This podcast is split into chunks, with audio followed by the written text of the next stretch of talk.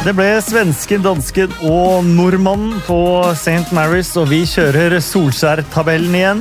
Det finnes én type var som fungerer som en kule. Ungdomsrevolusjonen i Chelsea den går sånn eh, passe.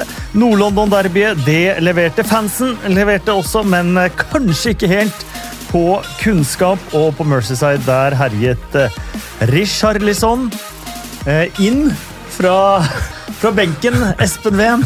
Hei, hyggelig. hyggelig at du kunne. Han sitter alltid klar. Sitter på enden av uh, tuppen av stolen vet.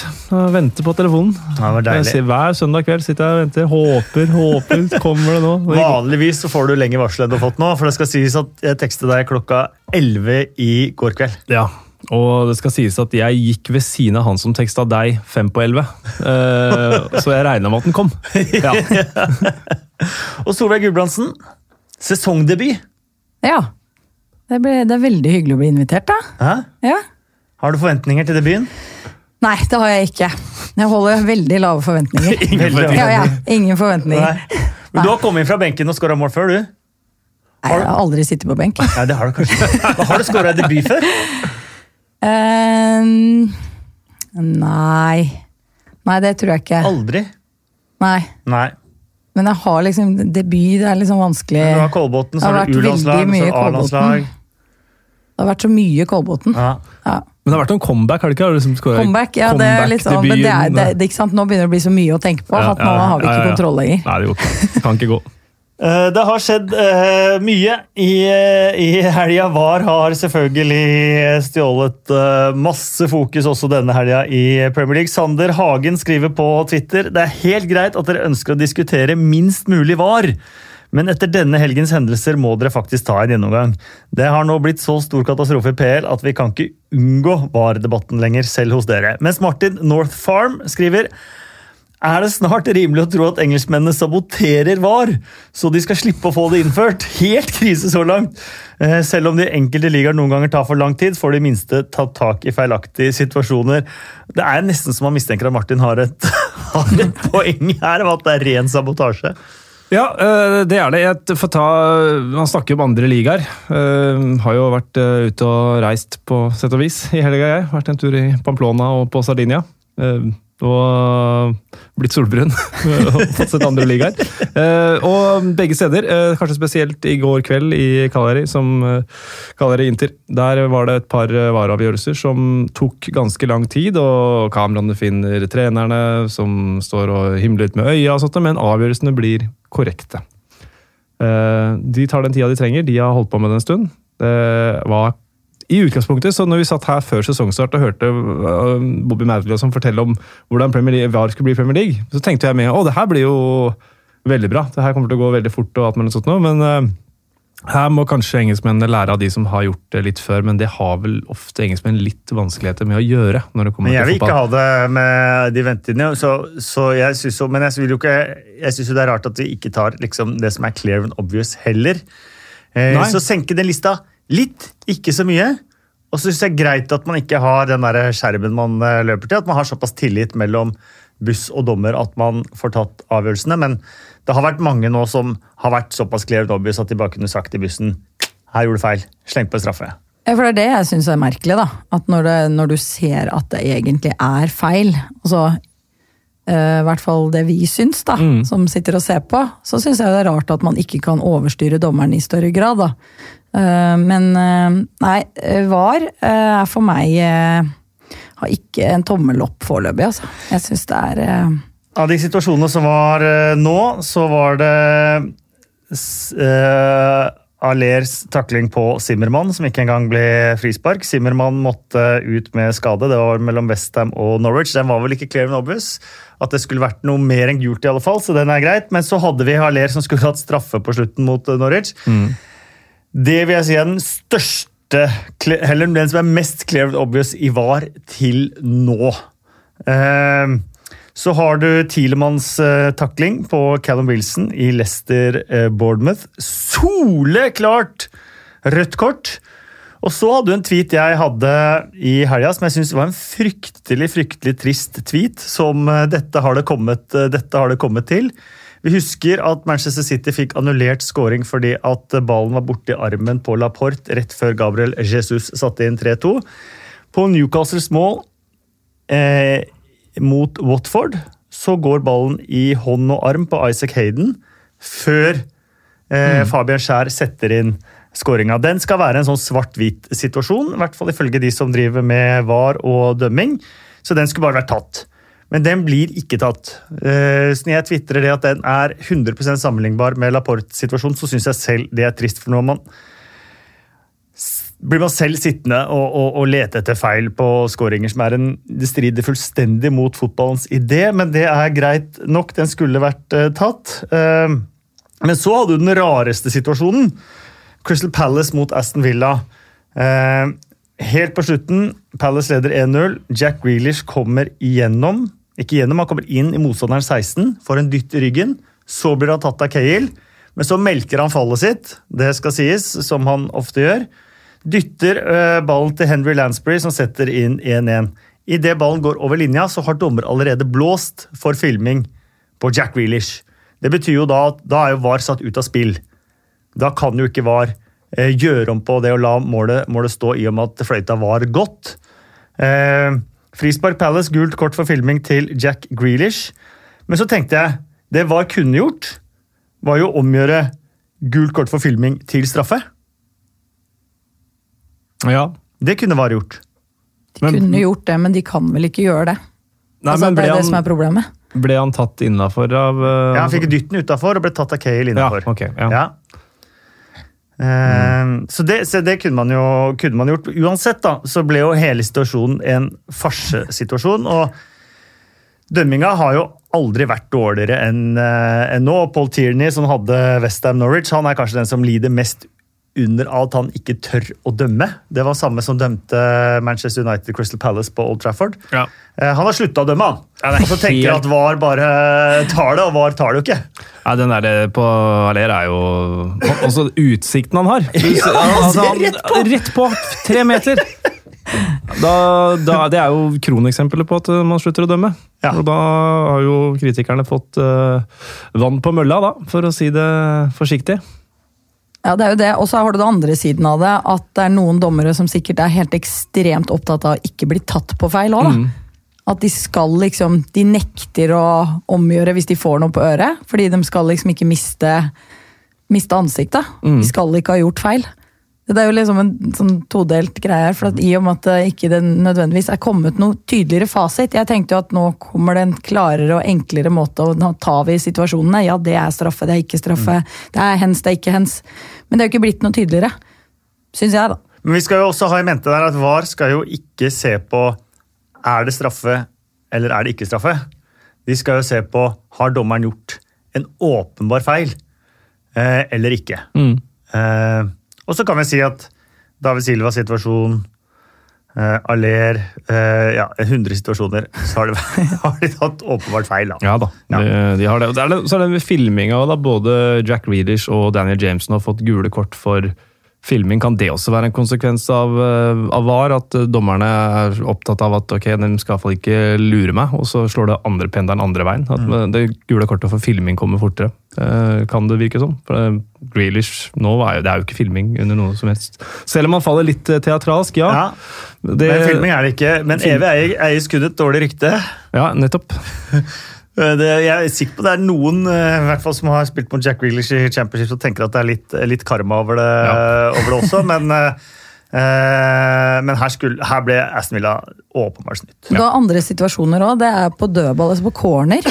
Så ser du at det er veldig mange flere lag som stiller opp i sone. Altså veldig mye mer sonerelatert eh, forsvarsspill da, på dødballer. så Eh, jeg synes jo Det er flere, altså det er jo kanskje noe av det positive ved det. Mm. er jo At det kommer flere situasjoner hvor du ser at spillere får reine opphopp på headinger. Det er ikke den samme holdninga og triks og mm. miks inn i mm. boks. Akkurat der ser du det, men så er jo jeg veldig kritisk til den soneforsvarsspillet på dødballer. For de har jo ikke kontroll i det hele tatt. Så, sånn sett så skaper du jo en positiv offensiv eh, på dødballsituasjoner. Men eh, forsvarsmessig så er det jo krise. Vi begynner på Nord-London-derbyet. Arsenal mot uh, Tottenham. 2-2 uh, endte det etter at Tottenham tok ledelsen 2-0. Lacassette reduserte rett før uh, pause. Og så kom 2-2-skåringa etter pause. Fantastisk av Gendosi til Pierre-Emerick Aubameyang. Det var en sånn match hvor jeg plutselig satt og, og, og, og glemte å puste i fem minutter. Enig. Fantastisk match. Ja, helt fantastisk. Det er sånn de derbyene er stort sett hver gang. da. Det, det er jo nesten popkorngaranti når de to lagene møtes. Eh, kanskje akkurat nå et av de feteste derbyene i, eh, i Premier League de senere åra. Hvor det alltid er eh, masse mål. og det er selvfølgelig tungt for Tottenham å miste en 2-0-ledelse, men særdeles fortjent at Arsenal fikk med seg noe fra den kampen der, syns jeg iallfall. Ja, jeg er helt enig. altså starten av matchen så er det jo Tottenham. Altså, det er jo to, to vidt forskjellige omganger. Mm. Altså, Tottenham er gode. Jeg syns de har uh, veldig bra kontroll. Forsvarsspillet til Arsenal var krise. De lot jo sånn herje i overganger. De hadde ikke noe offensiv markering, ikke noe styr på noe, egentlig. Og så plutselig snur det, og eh, Arsenal imponerte meg i forhold til den derre Veldig sjelden jeg føler at de har skulle ikke sagt det. De har De har Hva var det jeg skulle si nå? I forhold til. Eh, de har Oh, nå glemte jeg det helt. Eh, jeg beklager det. Ja. Det er, jo. det er jo min egen skyld. Jeg skal ta den. Eh, at de har Men det offensiv eh, markering var du inne på. Ja, men eh, jo, den attituden til Arsenal. Mm. At de faktisk går og snur det her til å bli et lag som virkelig jobber og kriger og snur en match. Eh, det er litt sånn motsatt av det jeg sitter igjen med Arsenal. Arsenal er mer sånn fintspillende. Hvis ikke det funker, så funker det ikke, og så gir vi opp. Men det imponerte meg i den matchen her, at de klarte å snu den, ja, situasjonen. da. Må vi ta to ord om hvordan uh, Unai Emery uh, ter seg og ser ut uh, på, på, benken her òg. Med åpne munnen og sånn og drar seg den eh, hake, hakehuden under, under, haka. Han ser jo han, jeg vet ja, ikke, Det ser han, veldig rart ut. ja. Han, han, han, virker jo Han utstråler ikke akkurat sånn veldig sånn autoritet, Nei, han gjør ikke det. Nei. føler jeg. Og, og den andre tingen er, eh, det slo meg når jeg ser eh, som vanligvis er så stilig i eh, pressa bukse, svart skjorte, eh, svart dressjakke, eh, ser helt firkanta ut. Trenere eh, Det kan hende at dette her eh, bare er vill fantasi fra meg, men trenere som går fra å ha, se sharpe ut og stilige ut, til liksom plutselig se ut som de har med de her slitne treningsdressene sine. Det er ofte når du går i tunge perioder, eller du er sliten, eller du Sånn som Pochettino i går. Conte da han vant ligaen, så hadde han jo dress med vest inni, slips alltid. Sesongen etter så starta han liksom en dårlig cap og, og, og dårlig grilldress. Mourinho det samme. når han har sitt. Mange trenere, Er det bare meg, eller er det sånn når trenere begynner å slite, så, så skifter de fra å se stilig ut til å se grilldress ut? Jeg, tror, jeg, vet ikke om du finner noe empirisk forskning som, eh, som, støtter det. der, men eh, I motsatt ende av skalen da, så har du Maurizio Sarri som eh, går i grilldress og spiser sniper uh, uansett. Vær, ja. vind og føreforhold. Ja, ja. Men han er liksom den der? Ja, ja men jeg, jeg, skjønner hva du mener. Um, jeg lurer på når Solskjær skal begynne å gå i joggedress. ja. Det er snart på tide, kanskje. men det er jo veldig rart å forandre den stilen sånn helt plutselig. Mm -hmm. Altså, fordi Enten så er det vel en, altså at du går i dress, eller så har du grilldress. Det er jo ikke noe in between. Ja, Kanskje Pep Guardiola er jo litt in between. Han ja. kjører jo sin helt egen stil. Men, han, han, har jo forandra litt, eller? Men samtidig med de klærne så ser du at selv når han går i hvit T-skjorte, så ser du at den hvite T-skjorta den koster over 5000 kroner. Ja, det gjør du, men har han gått i hvit T-skjorte hele tida? Hadde ikke han veldig ofte mørk T-skjorte før? Ja. Jo, jeg lurer på om ikke den hvite T-skjorta han hadde mot Bournemouth. Det tror jeg var, eh, var ny, ny, nyinnkjøpt ja. til 1500 pund. Ja, han ser jo alltid ulastelig og stilig ut. da. Det er, noe, det er noe med det. Uh, Kona mi liker ikke den uh, grå strikkegenseren. Den tjukke. Nei, han, eh, han har vel noen kule gensere, men den grå ja, ja, Nå er ikke jeg noe mot uh, politi, men jeg syns ikke den er så Du er veldig glad i grå da, Espen? Jeg er veldig glad i Ja, jeg har grått i dag òg. Vi må, vi må prate litt om uh, Gendosi, som Vescobare skriver. Gendosi må nesten bli hylla. For en match av unggutten.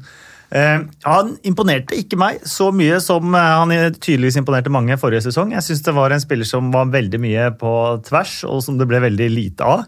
Eh, nå var han framoverretta hver gang, nesten, og det ble noe nesten hver gang han hadde ballen. òg. Jeg hadde litt samme greia i sånn Europaliga i fjor når vi fulgte de, at det er noe ved han som jeg liker. Det er noe med den intensiteten, at han aldri gir seg. Og han prøver, da. Uredd. Men så er det det derre Altså, han er litt ujevn, for det første. Mm. Pluss han slurver en del, mister ballen plutselig. Det er en del av de tingene som du føler Men han er jo ung. Så sånn sett så tenker jeg ut ifra hva han faktisk presterer, så er det jo han som driver litt uh, midtbanen til Arsenal. Det, altså. og, det, og, i andre omgang var ja. det det. Første omgang er kanskje ikke så bra. Andre omgang veldig bra. Eh, Eriksen skåra sitt uh, eh, 50. Premier League-mål og sitt første i Nord-London-derbyet. Eh, ikke noe avskjedspresang. Han blir vel eh, nå. Det skjer vel ikke noe annet enn det, og da kan jo endelig sesongen til Pochettino begynne igjen. Kanskje han kan ta på seg Kommer tilbake i dressen! Ja, Kanskje det, men overgangsvinduet stenger i kveld. og Nå er det vel sånn at Real Madrid har penger i å brenne, som brenner i lomma. De får ikke Pogba. Kanskje. Men jeg skjønner ikke hva de skal med Eriksen, egentlig. Så, men det er vel det eneste stedet. Ja, Paris Saint-Germain kan være et uh, De kan jo begynne å handle på slutten der. Henta de Icardi nå på lån? Er den uh, klar? Ikke langt unna, i hvert fall. Nei, men skal... med Icardi så er ingenting klart før det er klart, og det er ikke klart etter at det er klart heller. Så... Eh, vi må innom kjapt helt til slutt Arsenal-fansen som eh, lagde et fantastisk eh, liv. Det var utrolig morsomt, det kom nesten gjennom TV-en. Men når de begynner å synge Stand Up eh, If You Won The League Eh, så kan jo alle reise seg. Eh, for eh, fotballen begynte ikke i 1992 i England, og de sa ikke 'Stand up if you won the Premier League'. De sang 'Stand up if you won the league'. lang nese, det. Det er lang nese, faktisk. Vi går fra nord til vest i London. Chelsea tok ledelsen 2-0 mot Sheffield United. Eh, rett etter pause så reduserte Callum eh, Robinson til 1-2 eh, før Kurt Zuma skåra 2-2 selvmål, og det endte 2-2 mellom Chelsea og Sheffield United. Frank Lampard har vært innom en ungdomsrevolusjon på mange måter. Snittalderen på laget hans var 24 år og 158 dager. Det er den yngste han har hatt denne sesongen, og den er yngre enn Glenn Hoddles lagoppstilling i 1994. og Det betyr at hvis vi regner da at fotball starta i 1992, eh, så er det den yngste lagoppstillingen de har hatt i Premier League. Av og til så er det greit å ha det, det skillet også. Ja, Det er pga. hvis man er lat. Ja. At man ikke gidder å finne ut uh, det mer. Mm. Det er et latskapsskille ja. uh, som jeg velger å benytte meg av nå. Ja. Og det må være lov. og det må være lov, må være lov. Ja, ja, ja. Uh, Nei, det, det, er jo en ungdomsrevolusjon som ja, humper og går, kan vi si det. Uh, Tammy Abraham er jo, og Mount er store lyspunkt. Så er det litt verre bakover, for å si det pent. Det sitter ikke helt Men Tomori var bra? Ja, han var bra, men etter forholdene? Etter forholdene. sa det forrige uke, sa det igjen. Jeg er ikke sikker på om Kurt Zuma er eh, materiale for en uh, topp europeisk uh, klubb på midtstopperplass. Det blir jeg stadig mer overbevist om at han ikke er. Men uh, Nei, det er jo ikke bra nok å miste to poeng hjemme mot Sheffield United etter å lede 2-0. Det er jo litt det samme som vi så mot Norwich, bare at det var litt omvendt da. Da var jo Norwich best å begynne med, og så kom Chelsea tilbake og festa grepet, mens her mister de grepet. Det er jo kanskje der mangelen på rutine spiller inn, da, i sånne situasjoner, når Sheffield United får 1-2 der tidlig i, i første omgang, andre omgang. Så kryper usikkerheten inn. Ja, vi har jo sett det. De starta jo bra mot United og så sprekker det opp der. Altså, så det er jo en gjenganger litt nå. Mm. Eh, at de ikke holder hele matchen. Og det De kampene jeg har sett, da, så syns jeg det går litt på det taktiske òg. Spillestilen. De er offensive, de ønsker å presse høyt og være aggressive og stå frem, og så har de ikke helt balansen i det. Pluss at det mangler kanskje et forsvar som, som står imot akkurat den type. Da. Og når da midtbanespillerne løper mindre etter hvert, så blir du mer og mer eksponert og mer og mer rom. Så mm jeg vil jo si um, jeg er litt skuffa over Aspille Kueta. Jeg syns han er involvert i veldig mye av det motstanderne skaper. Og Han roter en del, da. Jeg synes han gjør mye rart. Selv om det kanskje er bra offensivt til tider, så må du jo også Du er jo forsvarsspiller. Så selv om Du vi og mener at Espen benken er det Tangstad er på samme, samme side her. for Han tvitrer syns det er på tide å ta på at spiller Kveta. Ofte skyldig baklengs, og motstandere skaper nærmest kun sjanser fra hans side. Mister ballen flere ganger mot Sheffield United og ligner på Ivanovic i 15-16-sesongen. Reece James kan ikke komme fort nok. Nei, det, da er vi vel ganske enige. Da, men da tenker jeg det kan være en idé å putte Ikke ta Spillerkai ut, men dytte han et ledd inn. Som eh, stopper. Ja, Kanskje det er herlig med Sheffield United, da. Eh, ligge under 0-2 på Stanford Bridge og så også hente seg inn til eh, poeng. Ja, det er jo sterkt. Eh, Det syns jeg er det kult med de. De gjør noen grep underveis i matchene òg, som, som tipper det dems favør. Eh, og det Nå turte de jo, jeg tror de flytta seg høyere og så noen sånne heatmaps på disse stopperne og det overlapp-prosjektet. At de, de er høyere og er mer offensive i andre omgang. Da. da hadde de jo ikke noe å tape. Nei. Eh, Men det er jo tøft å gjøre det, da, og få det til. Det er herlig å se deg spille gjennombruddsballer på stopperen. Ja, ja og, og det, Vi har sikkert vært innom det før og kommer sikkert inn på det, men det er så uh, utrolig gøy med de nyopprykka laga denne sesongen her, som kommer for å bidra. Ikke for å prøve å, å lukke igjen, sånn som, uh, som Huddersfield, Cardiff har gjort de senere sesongene. Men det er, uh, det er tre offensive lag som har kommet opp, så det syns jeg er kjempegøy med Sheffield United og måten de kommer tilbake på her. Eh, Southampton 1, Manchester United 1. Det er Manchester Uniteds dårligste ligastart siden 1992-93-sesongen. Men da endte de opp med å vinne ligaen for første gang på 26 år. Kan kanskje bli litt verre nå. Ja, det spørs vel om de finner en Cantona i, i januar her nå.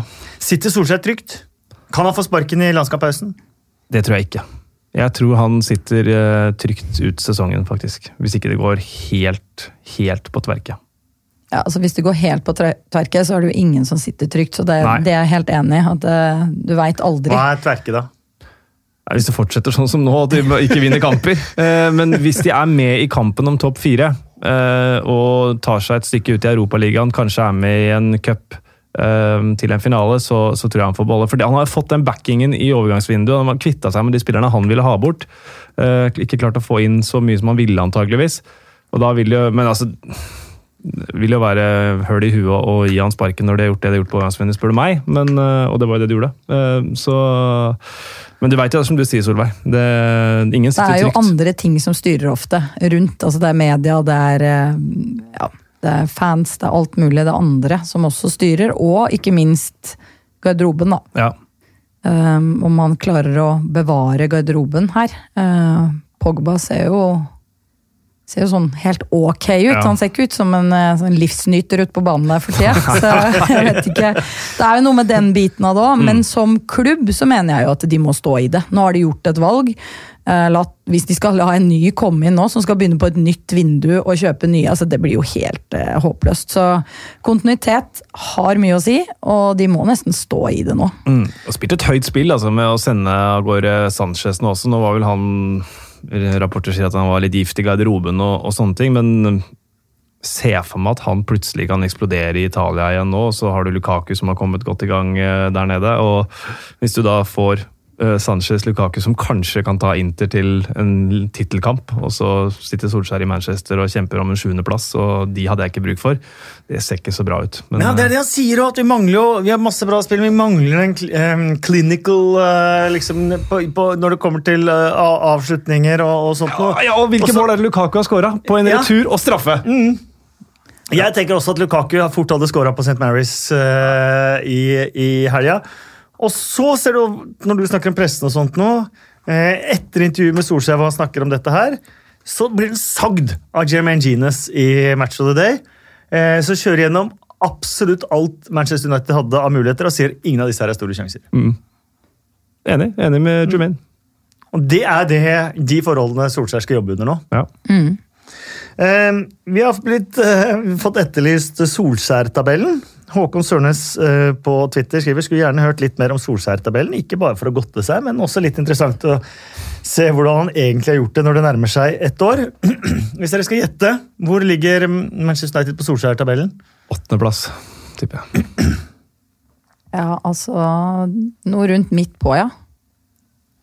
Um, men jeg tror kanskje overraskende høyere enn man kanskje tror. Der treffer du bra, for han ligger på tredjeplass på Solskjær-tabellen. Manchester City og Liverpool har begge 64 poeng på Solskjær-tabellen. Manchester United har 45. Eh, Bak der kom Arsenal på 43, Chelsea på 40, Leicester på 38, Tottenham og Everton på 37, og Wolverhampton og Westham på 35. Eh, Men det er jo bare den halve sannheten, for Ole Gunnar Solskjær har vunnet tre av sine 16 siste i alle turneringer. Eh, og som Trond Simen Nesset skriver på eh, Twitter, etter at Solskjær fikk United-jobben permanent, har kun tre av 17 lag som har vært i Premier League begge sesongene, tatt færre poeng enn United til 13. Det er Bournemouth med 11, Watford med 8 og Brighton med 7. Crystal Palace har tatt ti poeng mer enn Manchester United siden eh, Solskjær fikk jobben permanent. Og Det er kanskje mer interessante tall enn den totale Solskjær-tabellen. Ja. Og så må vi hylle Southampton nå, da, for å komme tilbake. Jeg syns det er, eh, er på sin plass. Med en mann mindre så får de ett uh, poeng. Uh, sitt kommet litt trangt i gang, de også. Viktig seier sist mot Brighton, var det vel. Og nå tar de et poeng hjemme mot Manchester United. Og hadde det vært i fjor, så hadde vel Solskjær fått sparken, for det var vel der Mourinho røyk etter at uh... Nei, nei, det var omvendt! Mark Hughes røyk. Som røyk, ja. Stemmer det. det var, Etter å ha mot, eh, United, Det ja. holder ikke lenger. Det men lenger. Hasenhüttel sitter uh, trygt, og jeg tror de, eh, de uh, kommer seg etter hvert her nå. Eh, vi snakket om eh, svensken, dansken og nordmannen. Eh, Jannik Westergaard, dansken, knuste svensken Lindløv i eh, lufta, og nordmannen satt på benken og ergret seg over, eh, over det. Eh, Daniel James, for ett år siden, ganske nøyaktig, starta han sin første ligakamp for Swansea i karrieren mot eh, Millwall. Da var han egentlig med U23-laget til Swansea. Nå har han tre ligamål for Manchester United og er Uniteds største beholdning denne sesongen. Ja, satt og så treningsmatcher i sommer, og så sånn i starten så tenkte jeg sånn fysisk så kommer han til å slite. Altså Han ble smelt ned. Hver gang han prøvde å ta imot ballen, så bare ja, hadde han ikke kjangs i duellene. Uh, og så tenkte jeg det her blir spennende å se om han klarer å catche hvordan skal jeg løse det. Uh, og det syns jeg han virkelig har gjort. Og nå ser du et par situasjoner hvor han rett og slett bruker den gode gammeldagse kick and run. Altså Han prøver ikke å ta en finte engang, han bare smeller ballen og bruker farta si. Så jeg er imponert over det han Altså at han har tatt det såpass kjapt. At han finner nivået og, og hevder seg. Og det er jo han som legger alle innlegga der eh, i andre omgang hvor det burde vært noen å, å, mm. og skapt sjanser. Så jeg syns jo det er eh, Og litt av skudd òg. Ja, det, den skåringa er jo rå. Uh, Gary Neville uh, har foreslått å selge Old Trafford-navnet for å finansiere billigere billetter på Stretford End. Jeg applauderer det. Ja. Jeg òg. Vet ikke hvor mye det koster der nå, men uh... Jeg mener jo at uh, med de, uh, den økonomien som er i Manchester United og veldig mange andre Premier League-klubber, så kunne man kutta billettene til ti pund.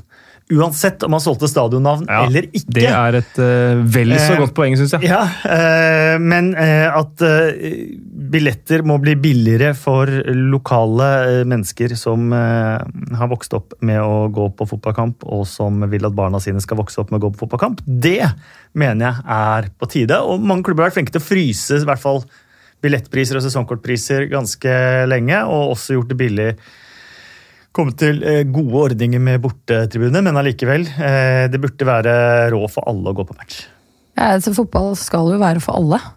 Og det, da er det jo viktig at de klarer å gjøre tilpassede, i hvert fall. Sånn at eh, det er muligheter for alle å gå på match. Da. Og spesielt de altså Man ønsker jo de lokale folka som faktisk bryr seg. Ikke bare Vi var jo i Baku. Eh, Ja, det var vi.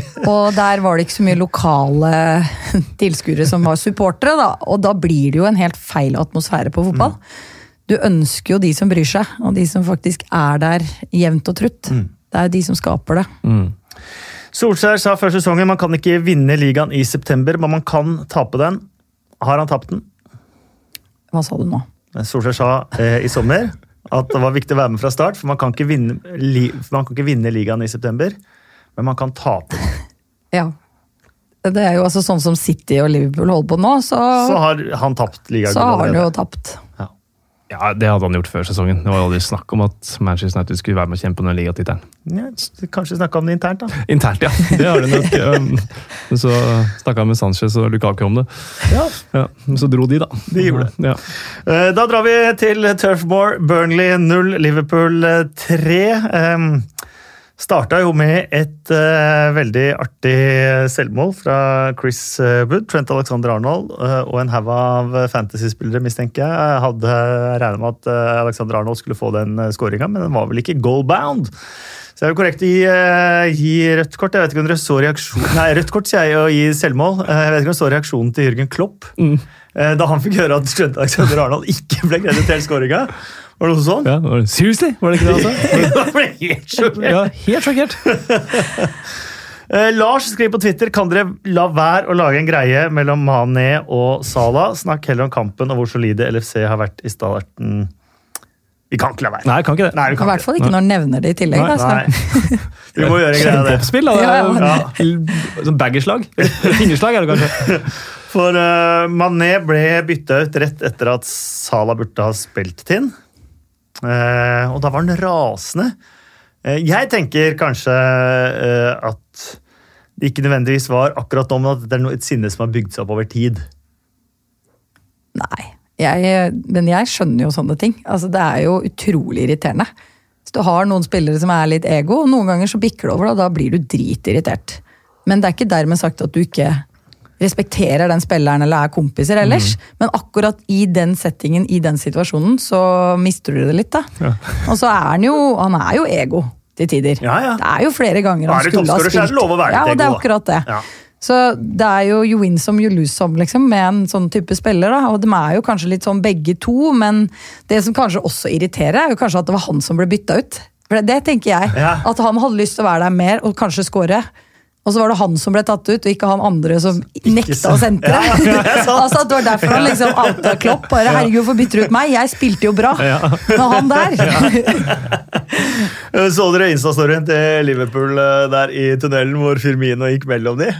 Nei, det har jeg ikke sett. Den, eh, finn, finn den på, på internett, for det er fantastisk eh, morsomt det ansiktsuttrykket til Firmino. Der Sala kommer først, og så kommer Firmino. og så kommer Mané bak der igjen. Eh, veldig, veldig eh, artig. Men eh, for å gi Mané et lite poeng her, så har Sala skapt 25 sjanser til Mané og gitt fire målgivende til Mané. Mané har skapt 43 målsjanser til Sala og syv målgivende pasninger til Sala. Ja. Ja, så har du godslige Roberto Firmino da, som bare løper rundt og er glad. Og, Bare glad, og hjelper bare hjelper alle hjelper, hele hjelper alle hele tida. Selv på benken der så er det jo han som uh, tar tak i Mané og bare 'Går det bra med deg, kompis?'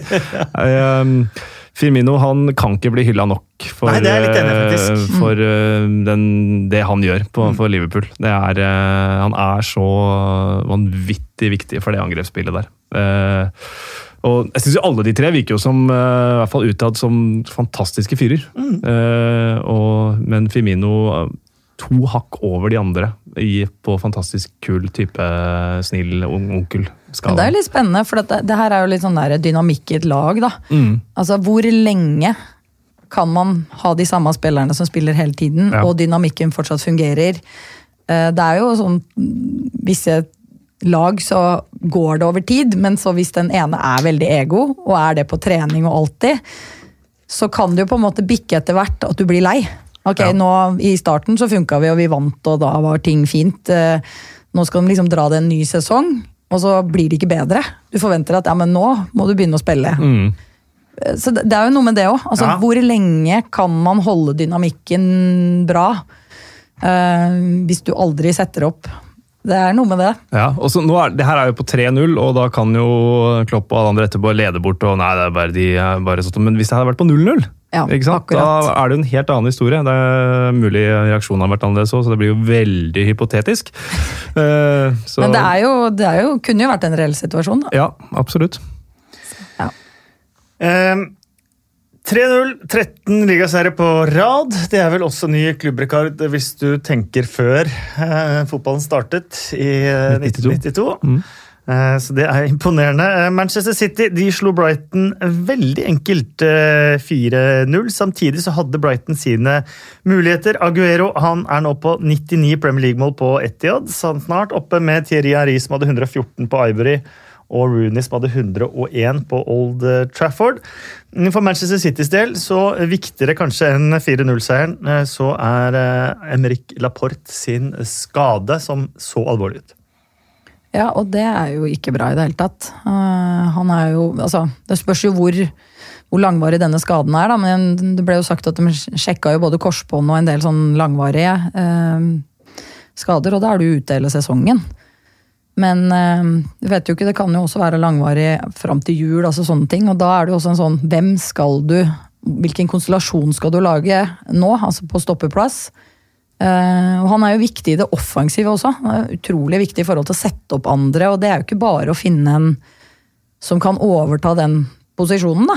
Så det var vel noe snakk om at eh, Beste stopperen i Premier League sammen med van Dijk eh, forrige mm. sesong. Eh, John Stones også ute med skade nå. Jeg vet ikke hvor lenge han er ute heller. Fernandinho inn på stoppeplass eh, der nå. Eh, Doy Nguyen skriver på Twitter syns Brighton var gode mot City i motsetning til hva resultatet tilsier, men er denne stilen bærekraftig og modig, som Guardiola kalte det, eller er det naivt og vil sende dem rett ned? Ja, det, det er jo veldig vanskelig å si, men vi snakker jo om det at det er jo kult at i hvert fall mot sånne lag at du i hvert fall tør å prøve. For der er det Du skal tape uansett. Uh, Så da tenker jeg at da er det verdt å prøve, men det viktigste for de laga der er jo å ta poeng av de laga rundt seg på tabellen. Og da må du kanskje være smart nok, da. Og det er jo litt sånn en del av de andre matchene, Wolverhampton denne gangen. altså Du ser dem mot United hvor de ligger Beveger seg ikke utafor egen banehalvdel nesten eh, i starten av matchen. Men når de møter lag, eh, så blir det en helt annen åpen match, da, for da spiller de helt annerledes. Og da taper de. Og da taper de. Så det er jo tapte noe jo alt mot bånn seks forrige sesong. Tok masse poeng mot topp eh, seks. Så det er jo noe med det å være smart, da. Men vi har taktikk- også sett lag som eh, parkerer bussen og slipper inn sju. Ja, vi har også sett lag som parkerer bussen og vinner. Og spiller 0-0. Huddersfield, Crystal Palace har dratt til Etiad og, og tatt poeng. Så er det jo selvfølgelig greit for Huddersfield? Ja, for et par sesonger 0-0. Gjorde det? Ja, det stemmer det! Ja, det stemmer ja. Helt på slutten. Jeg Ja. kommenterer. Var der Du var der, ja, ja, der kan du se. Eh, glemmer noe du av og til òg. Det, det er ikke ofte. Det er ikke ofte. Eh, Senil. Nei, det er ikke tidlig, eh, ikke tidlig fase av det. Men eh, nei, jeg, jeg, jeg tenker det er jo greit for eh, Guardiola, og, og han får jo oppspill også inn i postmatch-intervjuet. Ja, Syns du ikke det er fint at Brighton kommer for å spille fotball? Jo, jo, det er kjempebra. Da kan du vinne 4-0 enkelt som bare det. Det er klart Han digger jo det. Jeg er redd Brighton er litt for naive. Så tror det kan ende med, med nedrykk. De trenger en god opplevelse veldig veldig snart på, med spillestilen. Crystal Palace de slo Aston Villa 1-0. Jordan Ayu med en ny avgjørende scoring. Nå har han like mange mål på sine to siste ligakamper som på sine 28 foregående til eh, sammen. Det er ikke verst, det var en flott scoring òg. Ja, og en bra er litt, eh, litt flaks òg. Ja. Han fikk med seg ballen mellom der. Mm, Men, det eh, men det, det er jo kanskje på tide han får litt flaks, da. Han har, jo- det har jo ikke vært flyt i de hvor mange år det? 28 andre? Nei. Nei. Så det er jo kanskje litt greit å få med seg den. Eh, kampen eh, kommer da til å bli husket eh, best eh, av den situasjonen på slutten her. Eh, med, med Grealish og Henry Lansburys eh, scoring. Den har vi for så vidt eh, dekka. Så var det litt eh, Igjen alltid god atmosfære på, eh, på Sellers Park. Aston Villa blant de beste bortesupporterne i Premier League. Men det var en vakt der som ga en up yours da han passerte bortefeltet etter den annullerte skåringa der. Da blei det litt gruff. Um, det var ikke så smart. Nei, det er ikke noe, det er ikke noe særlig. Det er jo dust. Det er dust! Ja, Det er vel ikke så mye annet å si enn at uh, det er dust. Ja. Um, Crystal Palace som, Ja. de fortjener jo, fortjener å vinne kampen. Det er jo veldig viktig å få med seg. Selv om kampen vil bli huska for det, så var de jo klart best. og så er det viktig å få med seg at uh, etter at de tapte mot Sheffield United, så var det nesten så jeg lurte på om de hadde fått det ene poenget de kom til å få denne sesongen. Ja, altså, de har jo ikke vært sånn Det har jo vært litt rar start på sesongen for de. Altså, jeg synes De offensive spillerne ikke har vært helt sånn samkjørte, og det har vært eh, mye greier. Men nok en gang så er de jo Jeg tror jeg så på statistikken at de hadde 22 skudd på mål. Altså, det er ganske høyt. høyt og det, de gjør jo det ofte. Jeg tenker det må jo være mulig å også score mer.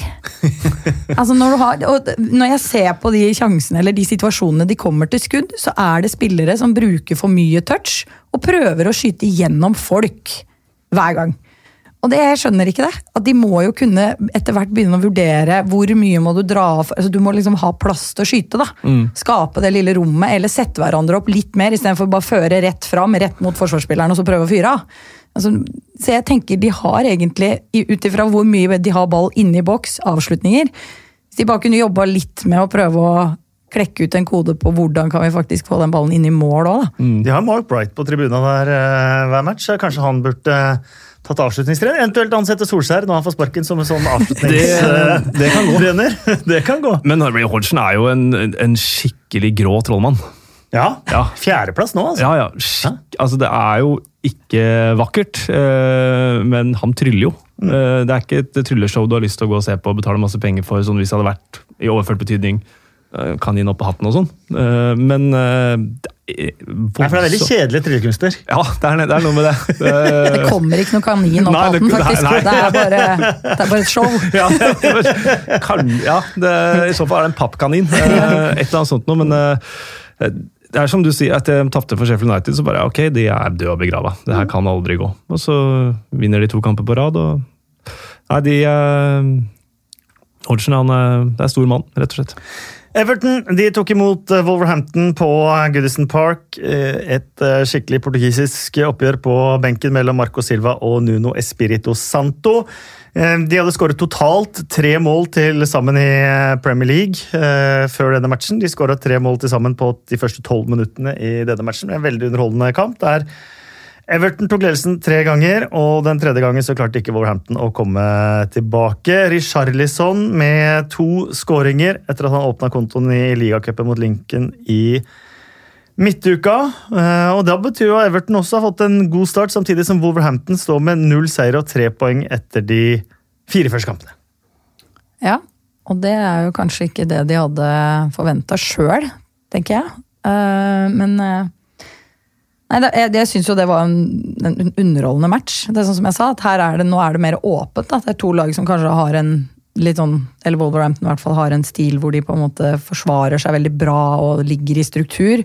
Så ser du de plutselig spiller fotball og har mye mer åpen plass. Men så er jo det da utfordringen. At de ikke klarer da å omsette det til eh, seier. Men de har jo vært Europa rundt i Europaligakvalik mm. fram til uh, nå. Virker som en pause nå kan komme ekstremt kjærkomment. Ja, og det har jo noe å si, selvfølgelig. Du, men jeg tenker også det en, kunne vært en fordel i starten da, å vært i kampform kontra de andre lagene. De har vært inne i det en stund, men så, sånn som nå, da, så har det gått litt tid. Eh, og da er det ikke sikkert det er fordel lenger. Så pause for dem kan nok være bra, men jeg syns jo at det begynner å komme seg. Jeg syns også de offensive spillerne til Wolves begynner å Du ser litt mer av det du så i forrige sesong, at det er litt mer bedre touch. Det flyter litt bedre. Eh, så er jo Everton et bra lag. Det er det. Ja. Jeg syns det er artig å se vingbekkene, Vinagre og Adama Traoré, helt sjanseløse. Eh, bakover. Eh, det har vært Evertons store ankepunkt de tre første kampene. At Dominic Calvert-Lewin har ikke fått noe som helst å jobbe med. I denne matchen fikk angriperne noe å jobbe med hele tida, for det var så enkelt å komme seg inn og rundt.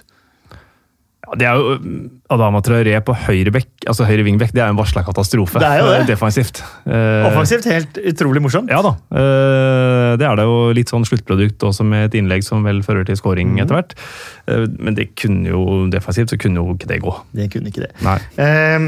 må ta to ord om Graham Sunes her, som selvfølgelig, som han ofte gjør, er ute og melder uten egentlig å ha eh, bakgrunnsinfo. Og det sier han jo også men han kritiserer Moise Keane, og sier at Keane kommer med bagasje, at han ligner på Adebayor, at han har utenomsportslige eh, problemer. Eh, og baserer det på at Juventus solgte en 19-åring så billig.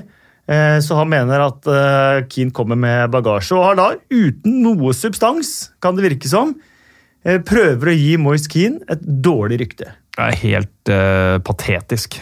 Fullstendig skivebom. Uh, mye av grunnen til, i hvert fall noe av grunnen til at Moise Keane forlot Italia, var jo rasisme.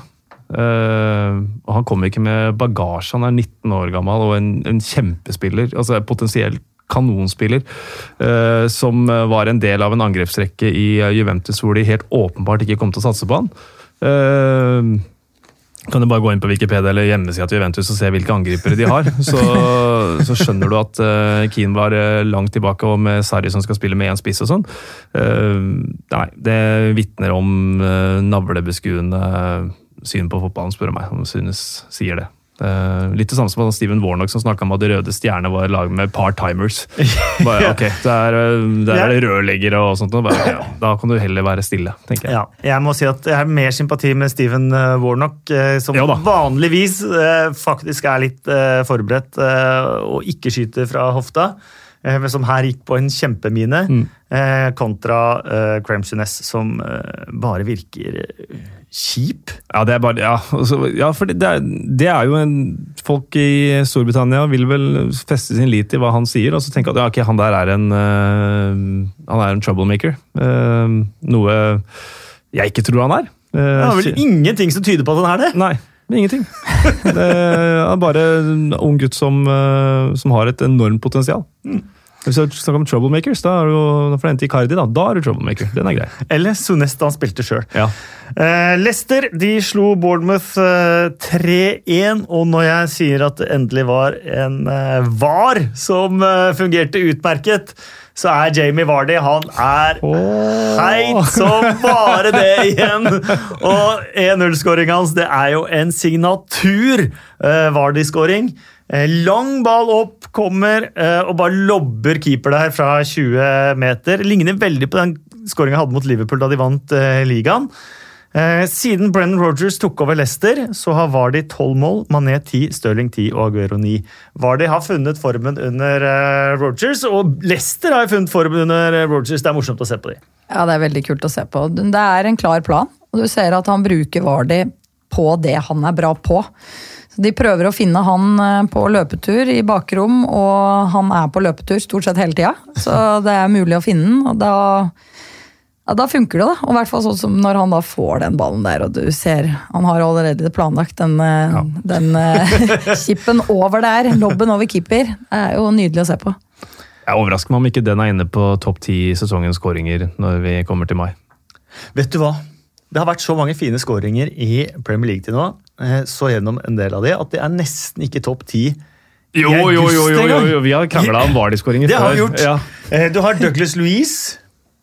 Jo, ja, jo det er, og det er fine skudd. Du har Harry Wilson. Ja, det er frispark. Du har uh, Temo Pukki. Hvilken Temo Pukki? Nei, kutt ut, da! Mot Den er ikke ikke bedre. Nei, okay, nei, nei, nå bare kommer jeg med andre forslag, for det, var ekst, har vært ekstremt mange fine mål til nå. Jeg er enig at den er kjempefin, den ja. var de, og kan sikkert være diskusjonen. Eh, du vant jo forrige diskusjon jeg, jeg, jeg, gleder meg til, Da taper jeg sikkert den her, da, men eh, jeg gleder meg til mai. Uh, Brent Rogers, uh, Asbjørn Hegeland uh, skriver på Twitter snakk om å gjenreise sitt eget ry gjennom å få det beste ut av særlig unge spillere i Celtic og Leicester. Fikk, mye, fikk han ufortjent mye tyn i Liverpool, og kommer han til å få sjansen i en topp seks-klubb igjen? Nei, han fikk vel ikke ufortjent mye tyn i Liverpool. Uh, kommer han til å få sjansen i en topp seks-klubb igjen? Ja. Ja, for Leicester kan, for være, kan være en topp seks-klubb, eh, rett og slett. Det, det største spørsmålstegnet tenker, altså, med Leicester nå var jo om eh, vi kunne erstatte Harry Maguire, og så er det en tyrker hvis navn jeg kjenner Shalar Soyunshu. Shalar Soyunshu. Ja. Jeg skal ha Leicester Dårlig forsøk. Ja, jeg skal hjem og øve. Tulleforsøk, det. Tulleforsøk, ja. Det er sant, det. det er sant. Jeg gjorde ikke et ordentlig, jeg gjorde ikke et ærlig og redelig forsøk der. Uh, tyrkeren. Du får si tyrkeren når du kommenterer midtstopperen. Tyrkeren, Leicesters nummer fire. Ja. Erstatteren til Maguire. Uh, det er mange synonymer der. Ja, veldig mange. Uh, og det gir jo et rikere språk, ja. tenker jeg. Jeg skal, jeg skal, øve inn den. Men Husk stum G når det er sånn greie på G-en på tyrkere. Stum G? Mm. Akkurat som Gunduan. Ah, Gunduan, ja. Okay. Chalar i fornavnet. Lærte noe nytt i dag òg, da. Ja, mhm. det er så deilig å lære. Eh, men han har vært eh, Han har imponert meg veldig. Mm. Tatt, og det Blender, det er jo akkurat det du er inne på med det å utvikle unge spillere. eh, drar han opp av, eh, av hatten. Så, og selvfølgelig nøkkel at de fikk beholde Tielemanns. Eh, Men han skulle vært utvist. Å jo da, det skulle han jo. Den taklinga på Callum Wilson er grisete, altså. Den er det, men jeg er jo litt der at eh, Den er grisete, men det er liksom merkelig bevegelse av den andre spilleren òg. Så ikke clear and obvious. VAR var rett å ikke gripe inn. Nei, Det det- er helt, det er helt ærlig Ja, mening. men det er liksom når du kommer du på en måte Spilleren er litt bakfra til høyre for den. Du setter ut ballen fordi du går for ball. Du bare kaster ut en fot. Og han andre gjør litt det samme. Og så treffer de hverandre. Ja, han går med knotter og alt det der, men jeg tenker noen ganger, det er ganske mange ganger du kan bare finne ut altså Du ser bare på ball, det er det du har fokus på, og så kaster du ut en fot, og så tråkker du på en fyr. Det er ikke alltid i mitt hode, selv om det kanskje Noen ganger er det stygt spill, da, og da gjør du det. Når du kaster deg inn med to knotter og sklitakler, så er det en risiko, men her er det jo bare en vanlig bevegelse. Jeg er litt sånn usikker på det. Ja, Du får litt støtte av ja. Callum Wilson på det, og han sa jo at han prøvde bare å skjerme ballen. Ja. Men samtidig så sa også Wilson at hvis ikke det er Claire Nobby, så er det ingenting. det. Så. Nei, ja. Jeg, jeg stemmer for, eh, for et uh, kort. Gini spør på Twitter så svake som Chelsea United er om dagen, er Leicester faktisk en reell europaspillkandidat i år? Ja. Ja. Bra. Newcastle uh, spilte 1-1 mot uh, Watford. Watford tok ledelsen etter kun sekunder. Eh, så utlignet Fabian Skjær for eh, Newcastle. Det endte 1-1. Watford har ett poeng på sine syv siste ligakamper. Tapt 6-1 uavgjort. Eh, Havi Gracia var jo en som ble hyllet eh, forrige sesong. Eh, han kan kanskje få sparken i løpet av landskapspausen. Jeg tviler Med tanke på Watfords historikk. Ja, med tanke på Watfords uh, historikk, men, men mange av de, uh, de manageravgangene der har vært kontrakter som har gått ut og sånn også. Det tror jeg ofte er litt sånn uh, underkommunisert. eh, Det som er underkommunisert, er at Billy McKinley fikk sparken etter to kamper som permanent manager. Ja, det, er- det, det er jo Beste managersparkingen! Én uavgjort, ett tap. Farvel.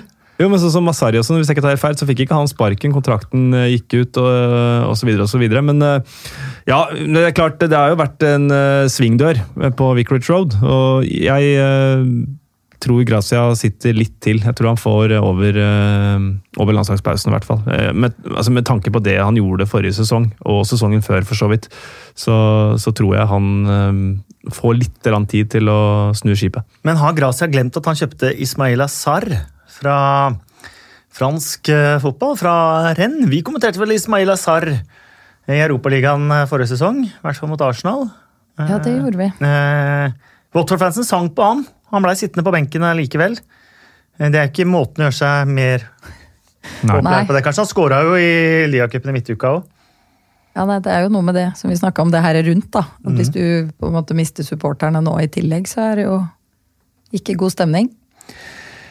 Westham vant eh, 2-0 mot eh, Norwich. Eh, Jarmolenko skåra mål. Det var jo deilig å se. Feira med det medisinske apparatet. Var ute i eh, nesten et helt eh, år. Skada seg tidlig forrige sesong. Skåra på en eh, fantastisk fin volley der. Banka den eh, inn. Og sånne scener er jo deilige, da. Mm, veldig, eh, veldig fint. Da får eh, de ukjente heltene litt eh, fortjent eh, rampelys. Det er en veldig fin gest av ukraineren.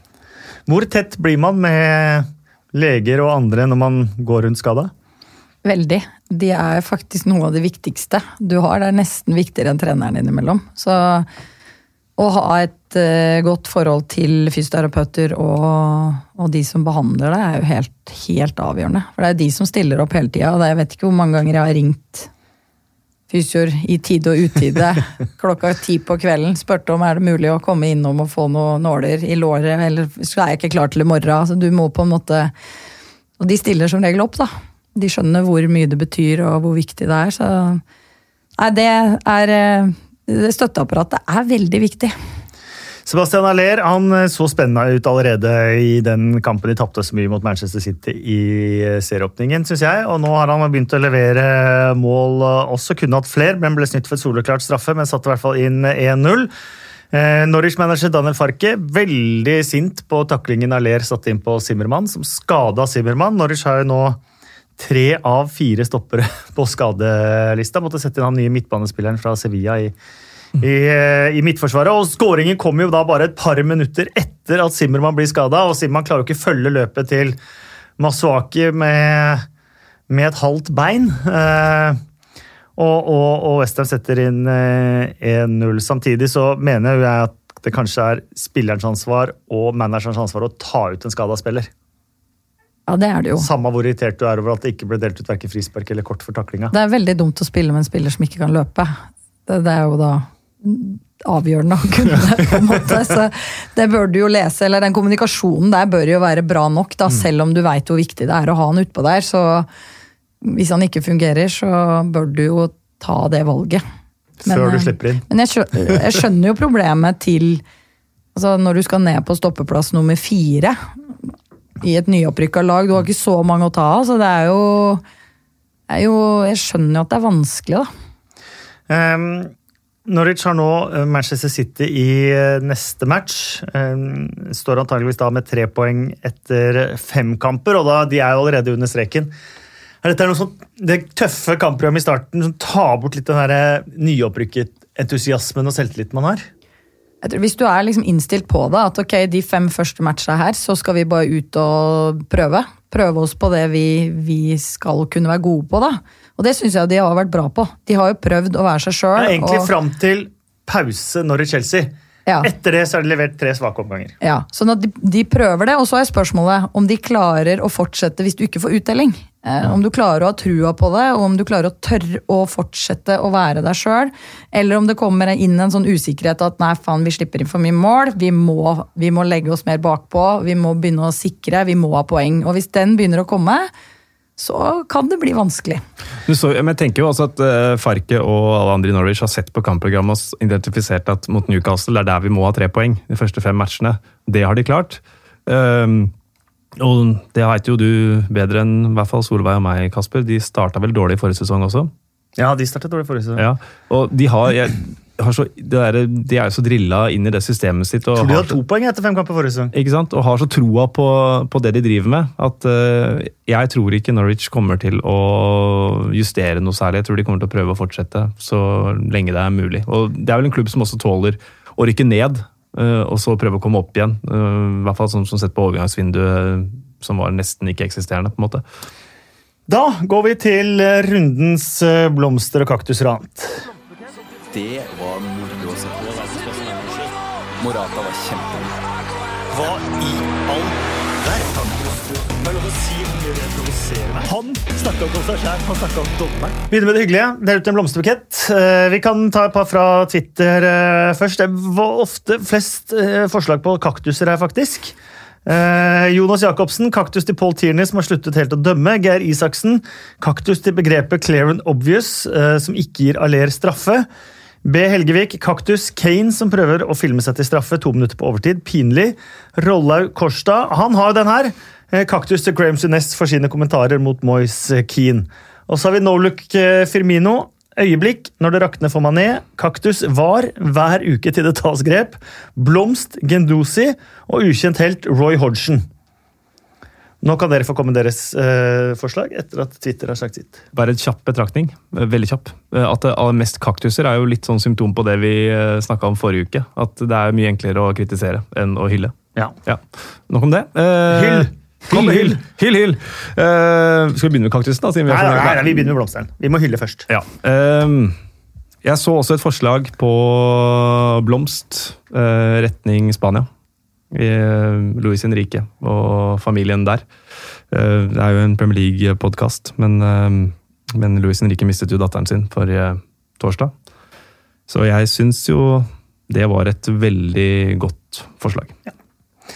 Da lar vi det bli med det, og så ukjent helt. Nei, ukjent helt, det, var, det kunne du ikke ta meg på, vet du. Det, det var så ukjent, det. Helt, det er helt ukjent for meg, det. Jeg er bare på de tre andre. Hva hadde du på kaktus? Nei, blomst, Altså, Jeg er på blomst. Der har jeg, jeg har hatt et par alternativer, men jeg landa på Firmino. Ja. Rett og slett fordi eh, jeg syns at han eh, er liksom litt sånn limet i det Liverpool-laget. Og når de to andre da er litt sånn på kranglefantfronten, så syns jeg at han er en Altså at han bare er imellom der. Sånn Han kan få stad. blomster for å bare dele ut til de to andre. Ja, Ja, altså han rett og slett bare deler ut. Og nå har han jo fått litt skåringer sjøl òg, da. Så det er jo bra. Men eh, nei, det Ukjent helt har det også kommet inn forslag på uh, Fabian Delf, og han har vi ikke prata om, så det syns jeg er helt uh, greit. For de mista, Everton mista altså Idrissa Gay. De har vært utrolig synlig når Schneiderlin har uh, spilt i den rollen. Eh, og eh, nå fikk jeg en twittermelding mens jeg kommenterte Everton i går at eh, jeg antageligvis ikke blir invitert til noen selskaper hos Morgan Schneiderlin, men det var ikke noe sånn sett forkleinelse til Morgan Schneiderlin. Det var mer det at Fabian Delf fylte den rollen prikkfritt. Mm. Eh, Det har ikke Schneiderlin gjort. Eh, Og han gjorde Han både brøyt, han var god med ball, han gjorde alt man skal gjøre i den ankerrollen. Det er et godt forslag. Og i samme rolle, Fabinho hos Liverpool, som var uh, særdeles god mot uh, Burnley. Plukka av de nedfallsfruktene som kom fra duellene. Uh, selv har jeg Martin Kelly som et forslag til ukjent helt. Jeg er Ja. veldig ofte på Crystal Palace når det kommer til ukjente Ja. helter. Eh, tatt stopperollen der. Eller Lys Mosé! Ja, som kom inn eh, Som ikke fikk scoringen sin for Sheffield United. Men det hadde aldri blitt mål hvis han ikke var der. Det hadde det ikke. Men Martin det Kelly har én landskamp for England, Norge. på Ullevål. Ja. Korrekt. Men eh, er, jeg kan være med på Fabian Dialf. Det, Jeg er med på alle, jeg. ja. Hva, vi må, jo plukke ut en, må vi ikke det? Jo, uh, da sier jeg. Kelly. Ja. Ja. Oh, yes. Rundens øyeblikk, da. Eh, Jeg har to forslag. Eh, Begge har vært nevnt tidligere. Jarmolenko som eh, går til støtteapparatet. Mm. Synes jeg er et veldig fint øyeblikk. Og Mané som bikker på Ja, jeg er enig. Mané som bikker er et fantastisk er et øyeblikk. da. fantastisk øyeblikk. Det er følelser og ja, litt sånn det fotball skal være, da. Ja, så er det blikket til de andre der. og Jordan Henderson som er sånn kaptein. bare, hva skal jeg få ut av meg? Så er det noen som bare tar og spakker. Nei, vi har det her. vi har det her. Jeg trenger, jeg trenger ikke noe Jordan. Det, det går bra. Jeg Tror jeg faktisk det er Firmino som bare Hei, hei. Jeg Ja, jeg, tror, jeg dette her. tror folk liksom ikke forventa det av han heller. Nei. Mané som alltid fremstår veldig blid og, og, og, og happy, liksom. Og så Jørgen Klopp som bare snur seg og som bare gliser igjen og ser ut på banen igjen etter å bare ha fått uh, en sånn liten mini-hårføner av Mané. Så bare Ok. Skal vi vandre over til Bill Edgar? Kommer vi med noe kaktus, da? Nei, kaktus glemte jeg! Det var veldig observant. Ja, Vi delte ut en haug av kaktuser fra Twitter, men vi har ikke delt ut noe kaktus uh, sjøl her.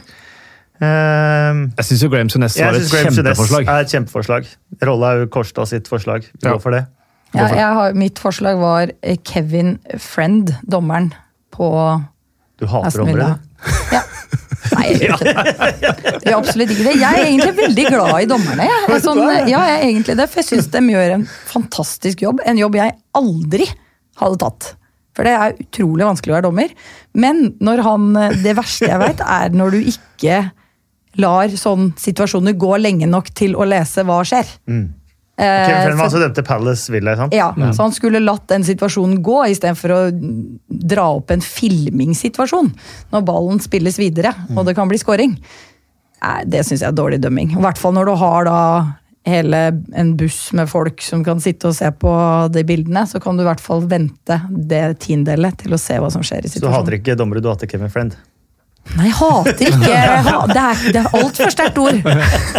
Det er fryktelig vanskelig å dømme, da. Det Ja, er, det er utrolig vanskelig. Selv åtteåringer det er dødsvanskelig. Ja, Syns jeg, da. ja, jeg er helt enig. At åtteåringer er dårlige dommere? Nei, å, Nei, å dømme åtteåringer er er kjempevanskelig. Jeg, kan, jeg er tilbøyelig til å kjøre fordel av ballen på innkast og sånn. Nei, Det, nei, jeg er ikke noen god dommer. Nei, Jeg gir den allikevel. Uh, skjær igjennom og gir den til Graham uh, Sunes denne gangen. Fint. Da går vi til Bill Edgar. Arsenals syv siste. Aldri skjedd. Første gang siden er den sjette spilleren. Fun factsene til Bill Edgar. Bill Edgar det er altså statistikkmannen i The Times. Hver mandag i eh, The Times sitt bilag eh, eh, The Game så kommer han med sine små eh, eh, statistiske betraktninger. Eh, og de han har etter denne helgen eh, Eh, Expected wow-faktor som Torstvedt er eh, opptatt av. Den, ikke så kjempehøy, men vi får, vi får se. Ballen til Trent Alexander Arnold fløy 28 meter etter å ha truffet Chris Wood. Det er den lengste distansen på et selvmål siden man begynte å måle slikt i 2006. Så det lengste selvmålet, altså. Eh, Liverpool skåret både de fire første og de tre siste målene i august. Ole Gunnar Solskjær vant sine ni første bortekamper med Manchester United, men har ikke vunnet noen av sine siste åtte. Jannik Westergaard er den lengste midtstopperen siden Brede Hangeland mot West Bromwich i 2014 til å skåre i Premier League. Eh, Roy Hodgsons fjerdeplass er hans høyeste i Premier League siden han var Blackburn-manager i april 1998. Og så har vi et utrolig stort og flott jubileum. Eh, så jeg må si at eh, egentlig fortjener hele blomsterbuketten sånn egentlig, egentlig. Og det er jo at de i helga ble det første laget som har spilt uavbrutt i 100 år i den øverste divisjonen. I 1919, 30. august, eh, spilte de uh, serieåpning i 1919-20-sesongen. Uh, og de har aldri vært nede siden. 100 år uavbrutt i den øverste divisjonen. Det er jo et supert jubileum. Nå, hvem, hvem, hvilken klubb var det? Hæ? Hvilken klubb var det? Arsenal? Arsenal? Ok, Fikk ikke med meg Sa jeg ikke Arsenal? Jeg, jeg, sa han Arsenal? Solberg? Jeg vet ikke helt. Nei. Nei, da var det Arsenal. Ja. Ja. Eh, Mark Noble tangerte Steve Watsons 351 Premier League-kamper uten å ha spilt en eneste landskamp. Eh, har fremdeles et lite stykke opp til John Lukic eh, sin rekord på 567 kamper i den øverste divisjonen uten å spille for landslaget. Og Billy Gilmore kom inn for eh, Chelsea, født samme sommer som Frank Lampard signerte for Chelsea. Den er fin. Det var Bill Edgar Ja. for denne gang. Eh, expected wow der. Men det var lav expected wow. Ja, Ja, Så den Tre. eh, Ja. ja. Uh, Eirik Brådland med et eh, kjapt spørsmål på, på Twitter her. Hvorfor sier vi landslagspause når det egentlig er ligapause? Nei, vi eh, prøver vel å si landslagsopphold. Ja, men er, det, er det opphold i, med landskamper, da? Serieopphold, da. Ja, Landskampperiode. Ja. EM-kvalifisering. Treningskamper. Eh, det har ikke noe god grunn, annet enn at eh, det er pause fra ligaen. Det er liksom slått sammen to ting for å forklare begge deler. Ja. Det er landskamper nå, og det er pause. Så slår du det sammen. Men det, det er jo litt sånn greie uh, Alle skjønner jo hva det er. Ja, alle skjønner alle skjønner hva du mener. Ja. Så Så det er sikkert ikke feil. Så det er ikke vits å være presis, mener du? Jo, jo, jo, jo, jo. Det er samme som Pulisic, det. Uh, alle vet at han heter det, men det er ikke noe vits å deg. Eh, Vi avslutter med fem kjappe spørsmål. Før vi kommer til det, så minner vi om at vi er på Twitter. To PL-pod heter vi der. Eh, Minner også om at det er eh, at vi setter veldig stor pris på både stjerner og kommentarer i iTunes. Så kom gjerne med det du har på hjertet der. Hvilke tre lag rykker ned?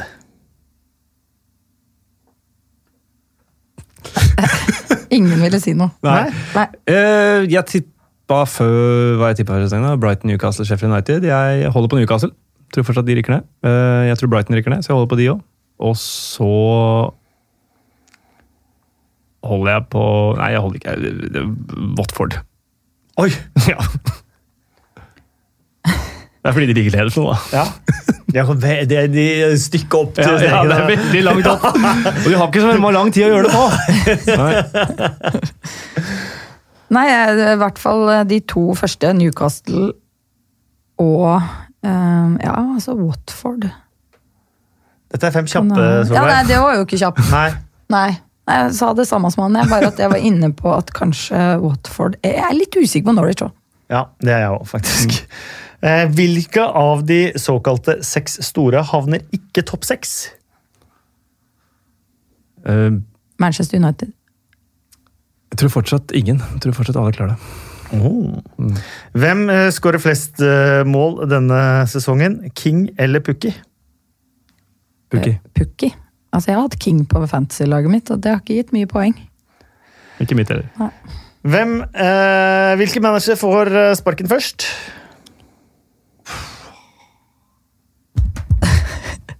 Var han dere nevnte i stad, da. Jeg har jo sagt? Gracia tidligere.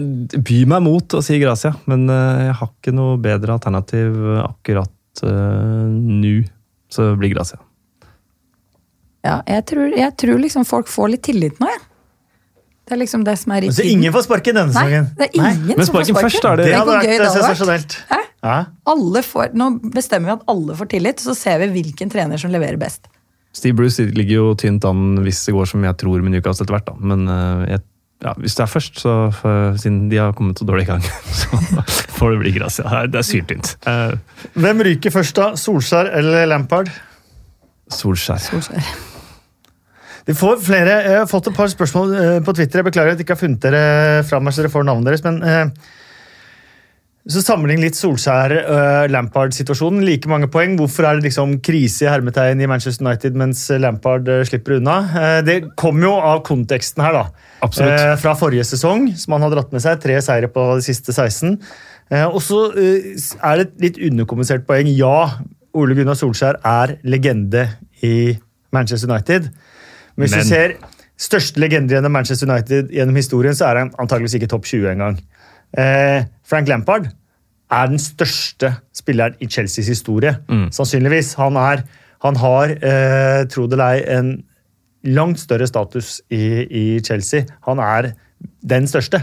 Ja. Eh, og det gir enda større slack. Ja, og Han spiller med unggutter fra akademiet som Chelsea-fansen har skrikt på, skreket på i mange år nå. Eh, Så jeg tror Lampard har langt mer eh, slack, og fikk ikke handle spillere. Og så Ja, så og så fikk han jo ikke handle spillere Nettopp. heller, så han har liksom ikke fått den muligheten heller. Siste spørsmål. Hvem blir toppskårer som spiller utenfor de seks store? Det var innsendt fra Noah Vigdal. Jamie Vardy. Ja. Det er vel var det. Vi kunne jo sagt Pukki, men eh, Kunne nå sa jo jeg at de kanskje rykka ned, så da kan jo ikke skåre så mye. Nei, det kan fort eh, være at han eh, ikke havner på tosifra også, Kanskje selv om han Haller? han har kommet Mm. godt i gang. Haller, Haller er ikke ikke dumt tips, det heller. Han har jeg utrolig tro på, altså. det må jeg virkelig si. Nå har jeg også meldt min store tro på Westham. Før sesongen hadde vel de på sjuendeplass på mitt tabell. Ja, det er Everton der. Så Det kan, kan fortsatt gå. Ja, men akkurat nå så ser det nesten Leicester ut. Det ser eh, veldig Leicester ut akkurat nå. Det er en stund igjen nå. Det er en stund igjen. Eh, kos dere med landskamper. Minner jo at alle landskampene, alle landskampene, i EM-kvalikene går på en eller annen TV2-plattform. Det er jo litt artig. Eh, Norge skal i aksjon, England skal i aksjon, alle de andre lagene skal, Kypros skal i eh, aksjon. Armenia skal i aksjon.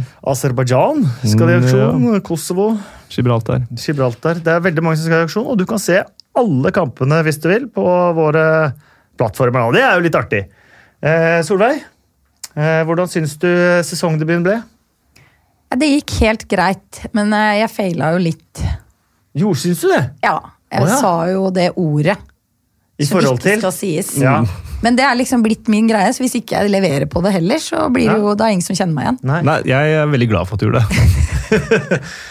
Eh, ja, det, er, det er en sånn språklig ting du jobber litt med, å si, ikke Nei, si i forhold til feil. Ja, Ja.